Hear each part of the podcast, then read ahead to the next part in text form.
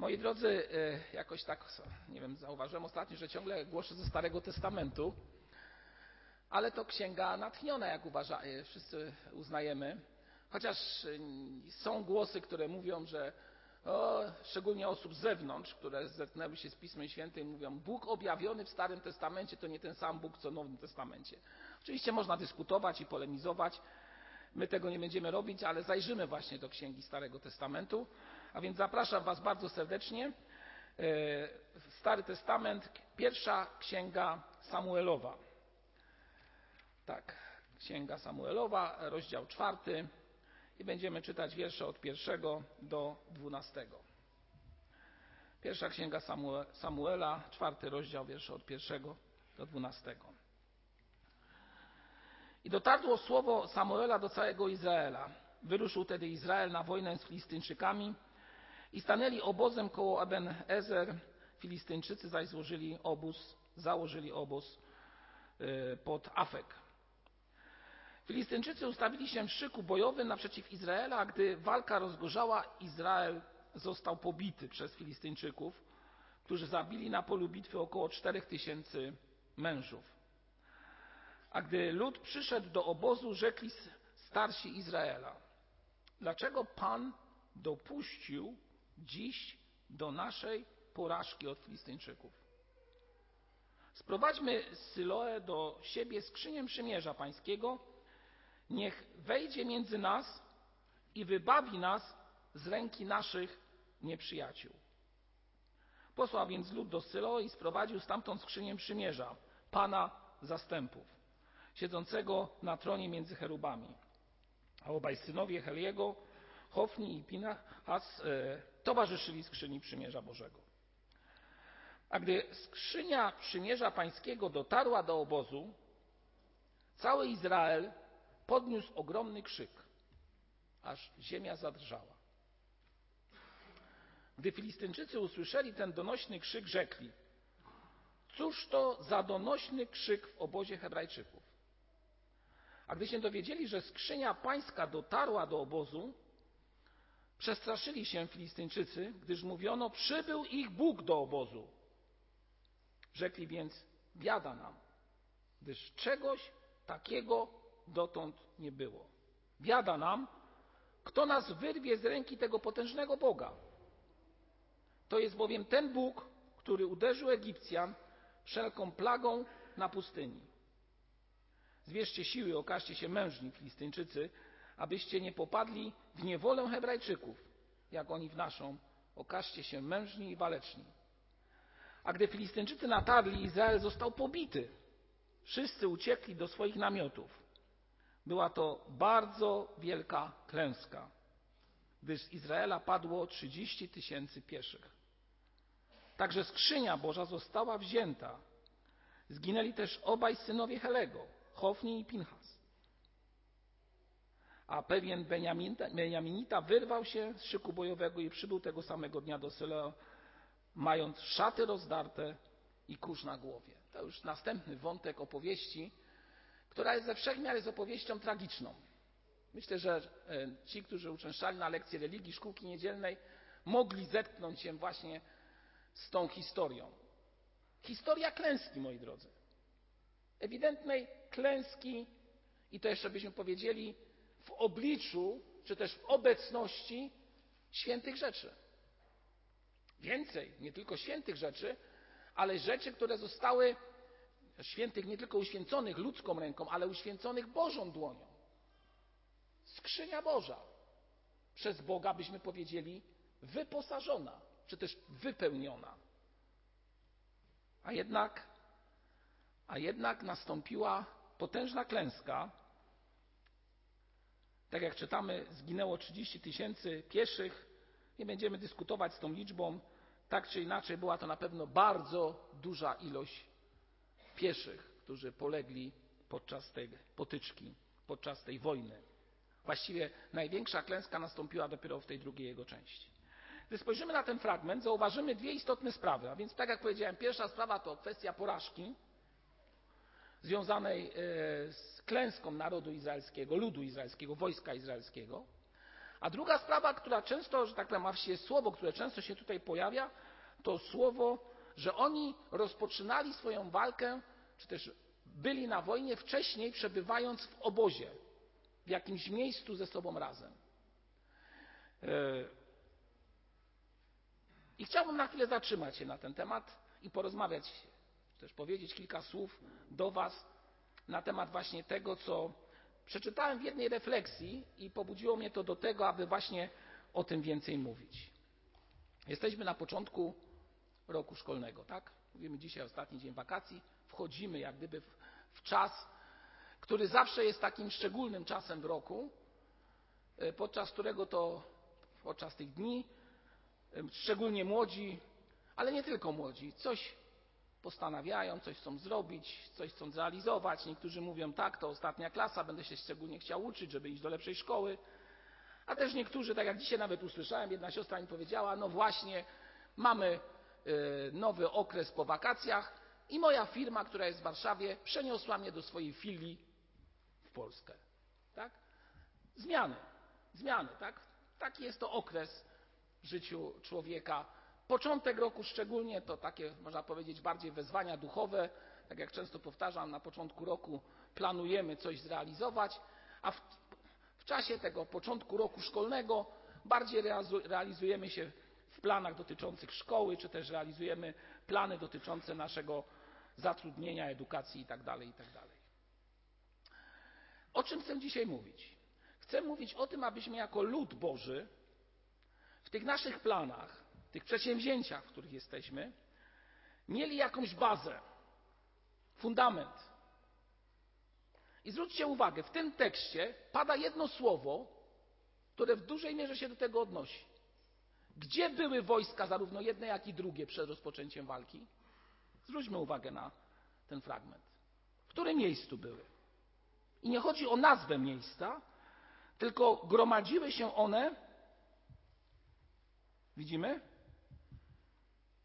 a stanęli obok siebie koło Ben Ezer. Filistynczycy zaś założyli co? Obóz. Jedni i drudzy założyli obóz, aby wyjść do walki. No ktoś powie, no charakterystyczna sprawa. Nim się coś rozpocznie, trzeba być w czymś, trzeba się dobrze zmotywować, tak? Trzeba się dobrze zabezpieczyć i potem wyjść z tego miejsca, aby walczyć. No i właśnie o tym chcę dzisiaj mówić, moi drodzy.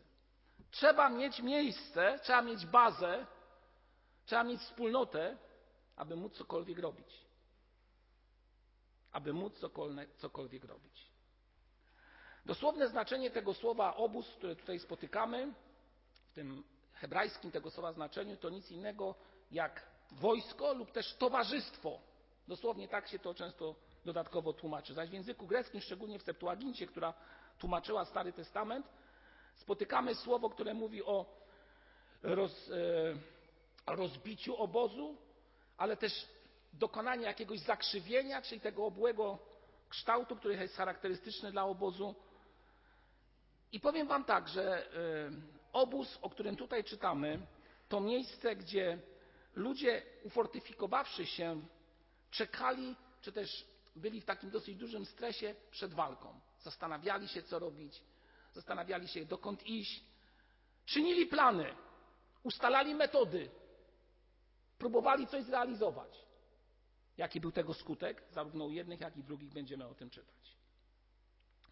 Trzy takie myśli dotyczące właśnie kwestii związanych z tym byciem ze sobą razem, czyli z tym tak zwanym zgromadzeniem. Przede wszystkim obóz chroni ludzi. To też nie ulega wątpliwości. Jest to zgromadzenie jakichś ludzi, którzy e, tworzą jakąś społeczność, bycie ze sobą razem. Często mówimy, że jest to Kościół, tak? Czy pamiętacie z nauczania, co to znaczy słowo Kościół? To powie jednym słowem. Proszę? No wspólnota, tak? Ale wiecie, dokładnie z języka greckiego słowo Kościół znaczy wywołani albo powołani z jakiegoś miejsca do bycia ze sobą razem. Niesamowite, nie? A więc miejsce wspólnoty, społeczności to miejsce, gdzie ludzie wspólnie oddają Bogu cześć i chwałę, składają cześć, cześć Bogu. Gdy otworzymy ostatnią księgę e, Nowego Testamentu, czyli Księgę Objawienia, w 20 rozdziale i wierszu 9 spotkamy takie słowo. I ruszyli na ziemię, jak długa i szeroka, i teraz uwaga, i otoczyli obóz świętych i miasto umiłowadłe. I spadł z nieba ogień i pochłonął ich. Święci i umiłowani byli w miejscu, w obozie, niczym w kościele ze sobą razem. Byli pod szczególną protekcją. Kiedy buduje się obóz, kiedy tworzy się to miejsce, są, y, czy też powinny być w tym obozie, myślę, że dwie bardzo istotne rzeczy, czy też dwie bardzo istotne sprawy w tym obozie powinny się znajdować. Po pierwsze, powinna być tam dostępność czego? Takim, tym nazwijmy to, wyobraźmy sobie obóz harcerski, tak, żeby obóz się mógł odbyć, musi tam się w tym obozie znajdować blisko przede wszystkim co? Woda. No taka jest prawda. Woda. No wiadomo, i tutaj możemy parafrazować, powiedzieć, że to źródło wody, czy też ta oaza, którym często jest ten obóz, jest Słowo Boże. Kościół powinien być zanurzony w tym Słowie Bożym, powinien w nim trwać. Powinien być blisko tej wody, czerpać z tej wody, będąc ze sobą razem. Ale obóz też musi być zabezpieczony. Harcerze na obozie mają wielkie wezwanie, które często, często dają młodym ludziom. Stawiają ich w miejscach wejścia do obozu na warcie, dokładnie. Muszą strzec tego obozu. I u nas też taka sytuacja powinna być w kościele. Ale przede wszystkim dlaczego strzec i przed czym strzec? Tam przed złem tak zwanym zewnętrznym, które może przyjść, nie wiem, z lasu jakiegoś innego miejsca. W naszym przypadku przed złem, które przychodzi od sił diabelskich.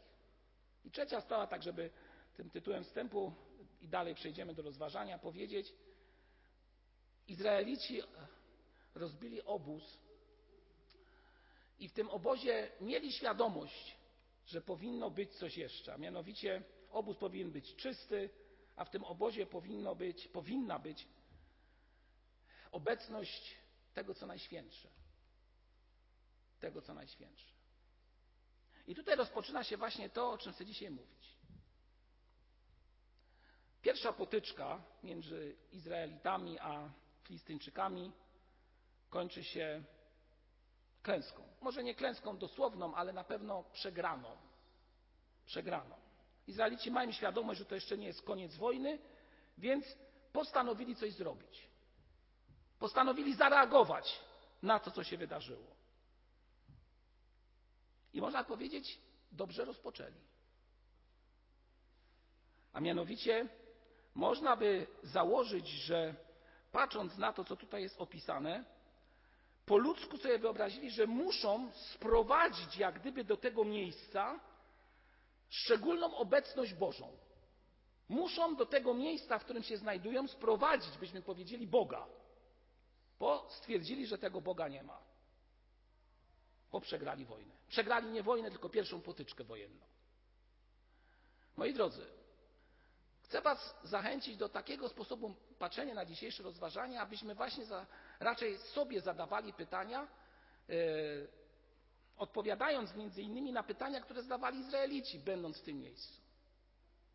Czy nie zdarza się, czy też nie zdarzyło się w naszym życiu zadać pytanie w kościele, jak sprowadzić tego Boga do naszego zboru, którego, jak niektórzy mówią, jakby nie do końca jest pełno? Albo może tego Boga jakoś brakuje? I teraz spójrzcie, co się stało, jeśli chodzi o Izrael. Pierwsze pytanie: czy dobrze zrobili? Czy dobrze myśleli? No, można je powiedzieć, nie myśleli źle. Udali się do miejsca świętego, aby w tym miejscu, z tego miejsca świętego przynieść, można je powiedzieć, najświętsze, najświętszą, najświętszy atrybut, czy też wizję Boga, którą ludzie mieli przed swoimi, może to złe słowo atrybut, ale miejsce, gdzie Bóg był obecny i tak jak powiedzieli Filistynczycy, prowadził ich, kiedy wychodzili z Egiptu. Nie chcieli źle. Tylko zauważcie jedną charakterystyczną sprawę. Tutaj nie ma słowa, że oni uklęknęli, że oni zaczęli szukać Boga, zastanawiać się nad przyczyną klęski, pytając Boga w modlitwie o to, tylko zaczęli po ludzku, aż się boję użyć tego słowa, kombinować. Pójdziemy tam, weźmiemy to. Jak weźmiemy to, to nam się uda. A jeszcze jak sprowadzimy tych ludzi, którzy stoją przy skrzyni, no to już w ogóle będzie bardzo dobrze. Zobaczcie metodę myślenia, która wdziera się do kościołów bardzo często i teraz. Bardzo często i teraz. A więc po pierwsze, Izrael skupił swoją uwagę na symbolach, tak? Na symbolach. Zamiast skierować wzrok na Boga, udają się, jak czytamy w czwartym wierszu, posłał więc lud do Syloe i sprowadził stamtąd skrzynię przymierza Pana zastępów, siedzącego na tronie między cherubami. I kogo jeszcze sprowadził? A obaj synowie Helego, Hofni i Pinchas, towarzyszyli skrzyni przymierza Bożego. Czym ta skrzynia miała być dla nich? Talizmanem? To talizman sobie chcieli postawić przed, przed swoje oczy, bo im się kiedyś przypomniało, że ich ojcowie, gdy ta skrzynia szła przed ludem izraelskim, mieli szczególne błogosławieństwo i moc? Moi drodzy, wielu młodych ludzi mówi w ten sposób: O, dla zabawy to sobie postawię coś, co daje mi, jak nazywają to? Szczęście, tak? Moi drodzy, czasami idziemy do jakiegoś urzędu, czy też gdzie i słyszymy stwierdzenia odpukać niemalowane, tak? Słyszycie to? Bardzo często. Ze zgrozą ludzie mówią, że jak kot przebiegnie przez ulicę, Boże, to trzeba się cofnąć, tak? Co jeszcze do głowy człowieka, że tak powiem, przychodzi? Co jeszcze do naszych głów czasami przychodzi, aby coś nam przyniosło szczęście, jakiś talizman, który ma nam coś dać? Bo jak zrobimy w kościele to, to, to, to, to, to na pewno zwyciężymy. A może inaczej, jak Pan Bóg coś zrobi, używając nas, to wtedy to miało, będzie miało jakąś konkretną moc. A co z ceremoniami i z rytuałem, który jest powszechny także i w naszym kraju? Pełno tego naokoło nas. Pełno tego naokoło nas.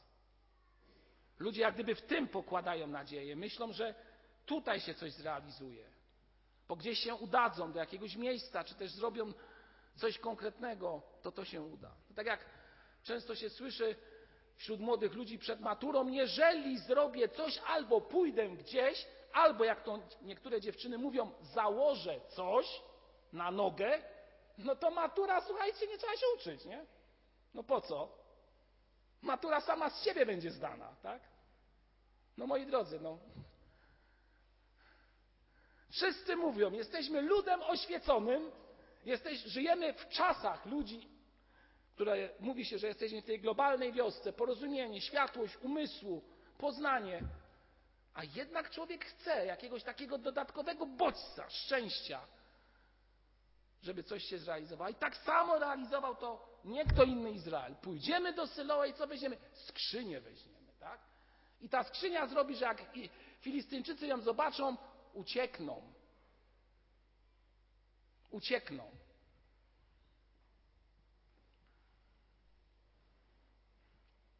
Drugą sprawą, która tutaj jest opisana w tym czwartym wierszu, to kwestia nauczycieli, a właściwie kapłanów.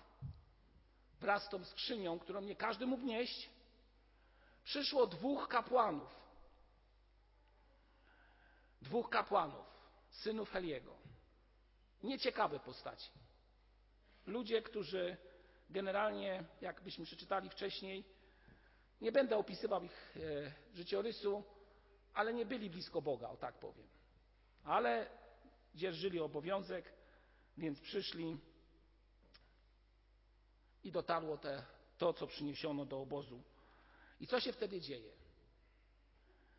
Izrael po potyczce wojennej siedział, czy też może niektórzy płakali, paru osób zginęło. W obozie była cisza. Przegraliśmy pierwszą potyczkę wojenną. Ale wymyślili, co zrobią. Jak powiedziałem, wysłali do Syloe, przyniesiono skrzynię i jak zobaczyli tą skrzynię, to co się tutaj dzieje? Podniósł się ogromny krzyk, aż ziemia zadrżała. Zobaczyli coś.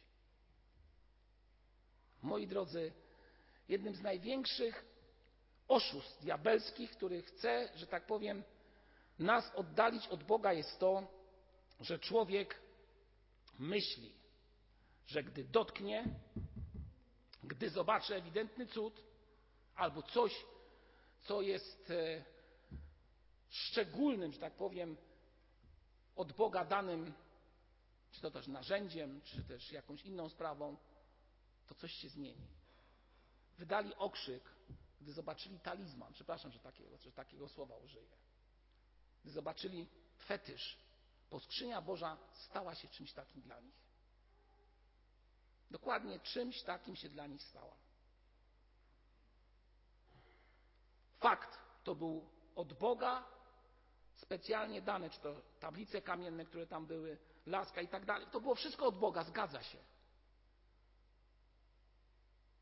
Ale Bóg jest Bogiem żywym. Bóg jest Bogiem żywym. I to On objawia swoją prawdę, a nie to, co Jego symbolizuje.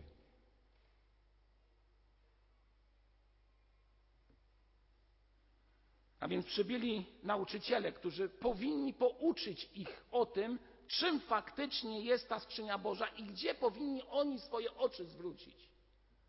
Ale ci nauczyciele tego nie, nie wiedzieli albo nie zwracali na to uwagę.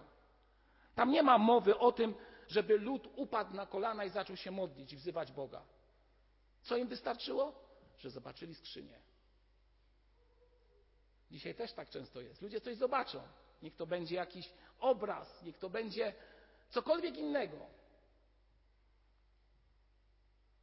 Albo zobaczą, że jakiś nauczyciel, pastor uzdrowił kogoś. To jest prawdziwy nauczyciel. Ludzie moi kochani. On uzdrowił, czy Pan Bóg uzdrowił? No, no zadajmy sobie pytanie proste. No Boże kochany. Skrzynia daje zwycięstwo, czy Pan Bóg daje zwycięstwo? No.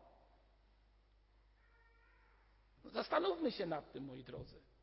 Czemu często ulegamy właśnie takim zwodniczym, czysto zwodniczym myślom, że coś albo ktoś jest w stanie za nas coś zrobić? Nigdy w życiu. To my musimy stanąć przed Bogiem i prosić Boga o pomoc. Boga, a nie ufać w tych, którzy są może nawet najlepszymi pośrednikami od Boga i przez których faktycznie Bóg działa. Czy to w uzdrowieniach, czy to w jakichś innych sprawach, które są wokół nas. Pamiętajmy, Bóg uzdrawia przez moc Ducha Świętego. Bóg daje zwycięstwo przez moc Ducha Świętego.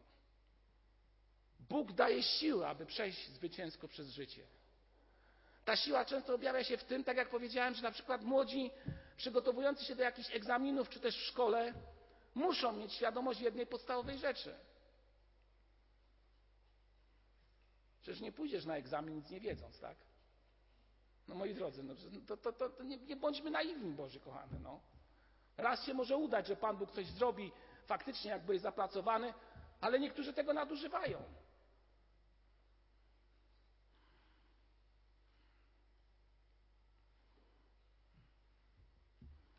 Przypomina mi się pewne małżeństwo. Dziewczyna pochodziła z naszego zboru, wyszła za mąż, wyjechali z tego miasta i ona dzieliła się, a właściwie dowiedziałem się, może nie tyle że ona dzieliła się swoim przeżyciem. A mianowicie, no, związek małżeński charakteryzuje się tym, że razem pracują, dochodzą do jakiegoś momentu w swoim życiu, coś osiągają, czasami może więcej, czasami mniej, ale razem coś robią. Pan Bóg mówi o pracy, kto nie chce pracować, niechaj też nie je, mówi apostoł Paweł. I wiele, wiele spraw, które bardzo dobrze znamy. Co się okazało? Jej mąż powiedział tak: Ja będę się modlił, a ty będziesz chodziła do pracy. Fakt, moi drodzy. I tak było.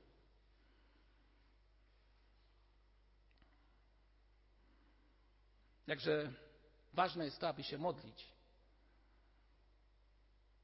Jakże ważne jest to, aby być w społeczności z Bogiem. Razem. A więc Izrael zamiast otrzymać pomoc od nauczycieli, otrzymał tylko od nich to, że przynieśli skrzynię, którą niektóre osoby tylko mogły nosić. I dalej kolejne rozważania, mianowicie nastąpił wśród nich emocjonalny czy też religijny zapał. Teraz zwyciężymy, bo skrzynia Boża jest pośród nas. Zapał religijny, ale nie zaufanie Bogu. to jest najgorsze, co może być.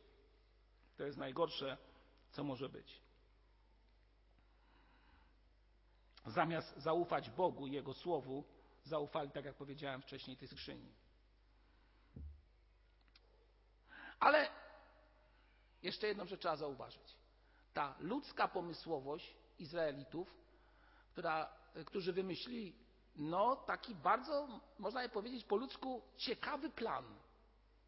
Bo oni ciekawie to sobie wyobrazili. Wzięli, zmieszali tak zwany aspekt boski z aspektem ludzkiej pomysłowości i przebiegłości. Tak, taki, tak, to tak fajnie można połączyć. Tak? Tutaj Bóg, a tu moje, tu moje myślenie, tak, tu moje jakieś tam historyczne doświadczenie. Tak to wszystko ładnie pomieszali i już się wydawało, że są zwycięzcami. I muszę Wam powiedzieć, że plan na początku odniósł chwilowy sukces.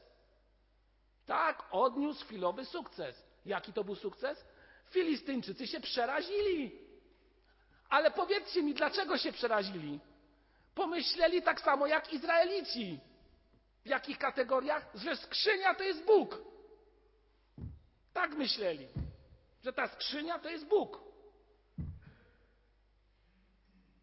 Ale ten skutek tego przerażenia przyniósł odwrotną jeszcze sprawę u nich, no bo oni sobie pomyśleli tak, no to trzeba się dodatkowo zebrać. Nie uciekać, ale będziemy walczyć z nimi. Moi drodzy, najgorszą sprawą jest, jeżeli i my łączymy sprawy Boże z naszą przedsiębiorczością. I to powoduje, że często jest w tym wszystkim więcej nas i może nawet osiągamy jakiś chwilowy sukces. Ale powiem Wam tak. Siły ciemności to się z tego po prostu śmieją. No niech se robią, niech ufają, a niech się męczą religijnie, a niech pod z nich spływa, tak? A niech robią to. I tak nic nie zrobią. Dlaczego? Bo nie wzywają imienia Pana Boga, tylko ufają własnej siłę i skrzynię, którą sobie stworzyli. Jaka to jest skrzynia w naszym życiu, niech sobie każdy sam odpowie. W moim i Twoim. Bo każdy tą skrzynię gdzieś tam w swoim życiu stawia tylko ją inaczej trzeba nazwać. A więc chwilowy sukces wyrażony w ten sposób. Biada nam, kto nas wyrwie z ręki tego potężnego Boga. To jest bowiem ten Bóg, który uderzył Egipcjan wszelką plagą na pustyni. Pamiętajcie, że oni tego Boga wyobrażali sobie nie jako wszechmogącego, tylko jako Boga, który oni, Filistyńczycy, widzieli w tej skrzyni, która szła przed Izraelem. Po to lud świata tego właśnie takie coś widzi. Tak? Lud świata widzi to, co jest doczesne, to, co można namacalnie dotknąć. Człowiek duchowy widzi coś zupełnie innego. Ale świat widzi to, co jest namacalne. Jak świat sobie wyobraził Boga Izraela? Że on jest w tej skrzyni. Tak? Tak sobie to wyobrazili. No i jakie było zwycięstwo, gdy ich pokonali, nie? No właśnie, to jest najgorsza sprawa, która dotyka nas. I na początek tego roku żeby już tak podsumowując, chcę Was i siebie zachęcić. Moi drodzy, nie pokładajmy nadziei i siły w naszych zdolnościach. Trzeba się uczyć, trzeba być kreatywnym, trzeba chcieć chodzić za Bogiem, ale jeżeli chcesz chodzić za Bogiem, to przede wszystkim trwaj w społeczności z Nim. Bądź blisko Boga. Pytaj się Boga, co należy robić. Często ludzie mówią, tak, nowy jak ja to mówię, sezon kościelny się zaczął, to trzeba plany wymyśleć, tak? Zrobimy to, zrobimy tamto. Bardzo fajnie. Trzeba planować. Że chcemy, nie wiem, w najbliższym czasie, o, w najbliższą sobotę serdecznie Was wszystkich zapraszam. Znowu możliwość otwartych drzwi wspólnie z miastem organizujemy Kercelak. Tak? Od 14 możecie przyjść, stanąć. Na pewno będą ludzie, którzy przyjdą, żeby zobaczyć kaplicę, można im głosić Ewangelię, można być w, w kawiarence, tam siedzieć, tam ludzie przychodzą, żeby wypić herbatę, można z nimi porozmawiać. Słuchajcie, no misja lepszej nie trzeba. Nawet nie musimy się starać, bo czasami idziemy na ulicę i nie wiemy do kogo mówić. No i mówimy, no, czy on w ogóle chce mnie słuchać? No niekoniecznie. A tutaj ludzie przychodzą, aby cię słuchać. Ja tego doświadczam, kiedy nasz kościół jest otwarty. Słuchajcie, w okresie wakacyjnym miałem tutaj dyżur, jak Lia wyjechała, siostra Lia wyjechała, no i przychodzą różni ludzie, nie jakieś tłumy, tam dwie, trzy osoby, czasami cztery w ciągu dnia. I jak myślicie, co z nim trzeba zrobić? Przegonić ich? No oczywiście, to, to fantazjuję. Ale co jest najistotniejsze? Oni przychodzą, bo są ciekawi czegoś. I można im głosić Ewangelię bez stresu, nie bez narzucania się. Bez narzucania się. Gdy czytamy Księgę Dziejów Apostolskich, to co było przed modlitwą przeczytane, zauważycie, że pierwszy Kościół miał bardzo prosty schemat działania. Oni nie mieli wielkiego schematu, metod, planów, nie wiem, założeń, strategii. Oni mieli prosty sposób działania i trwali w nauce apostolskiej. W czym oni trwali? Trwali w nauce apostolskiej, czyli czytali Słowo Boże. No to jest podstawowa sprawa. Dalej, we wspólnocie byli jednością. Obóz jest swego rodzaju tą jednością, bo w jedności możemy coś zrobić. Potem mieli co? Wspólny czas łamania chleba. To był pierwszy kościół. I na koniec sala to jakie słowo? Mo? Modlitwa, moi drodzy. To była cała strategia pierwszego kościoła, nic więcej. A co robił Pan Bóg? Przymnażał do tego kościoła ludzi. Jeżeli będziemy dawać zastępstwo Boga tutaj ludziom, to może to będzie atrakcyjne do czasu jednak. Jeżeli zaś damy Słowo Boże, to przyniesie ono właściwy skutek, do czego Was i siebie zachęcam bardzo gorąco. Tym razem Izrael przegrał, bo postawił nadzieję tam, gdzie nie powinien jej postawić. W konsekwencji, kiedy lud się nawrócił i skrzynia wróciła do Izraela, i cieszyli się z tego powodu wszyscy, ale przede wszystkim, kiedy czytamy dalszą część księgi, wiemy, że kiedy lud zaczął pokutować i być blisko Boga i trwać przy nim, to wtedy nastąpiło prawdziwe zwycięstwo. A więc bądźmy razem, jednością. Obóz jest symbolem jedności. Miejmy wspólny fundament, to jest nasz zbór, którym jesteśmy jako lud zgromadzeni, aby wielbić Boga, aby szukać Jego woli, aby trwać w Słowie Bożym, aby trwać w modlitwach, aby trwać w łamaniu chleba we wspólnocie, aby w nim znajdować to, co najistotniejsze. Bądźmy ludem otwartych serc, otwartych drzwi, naszych domów, kościoła, wszędzie, gdzie jesteśmy. I nie pokładajmy nadziei w tym doczesnym, które przemija. Amen. Zapraszam do modlitwy, powstańmy.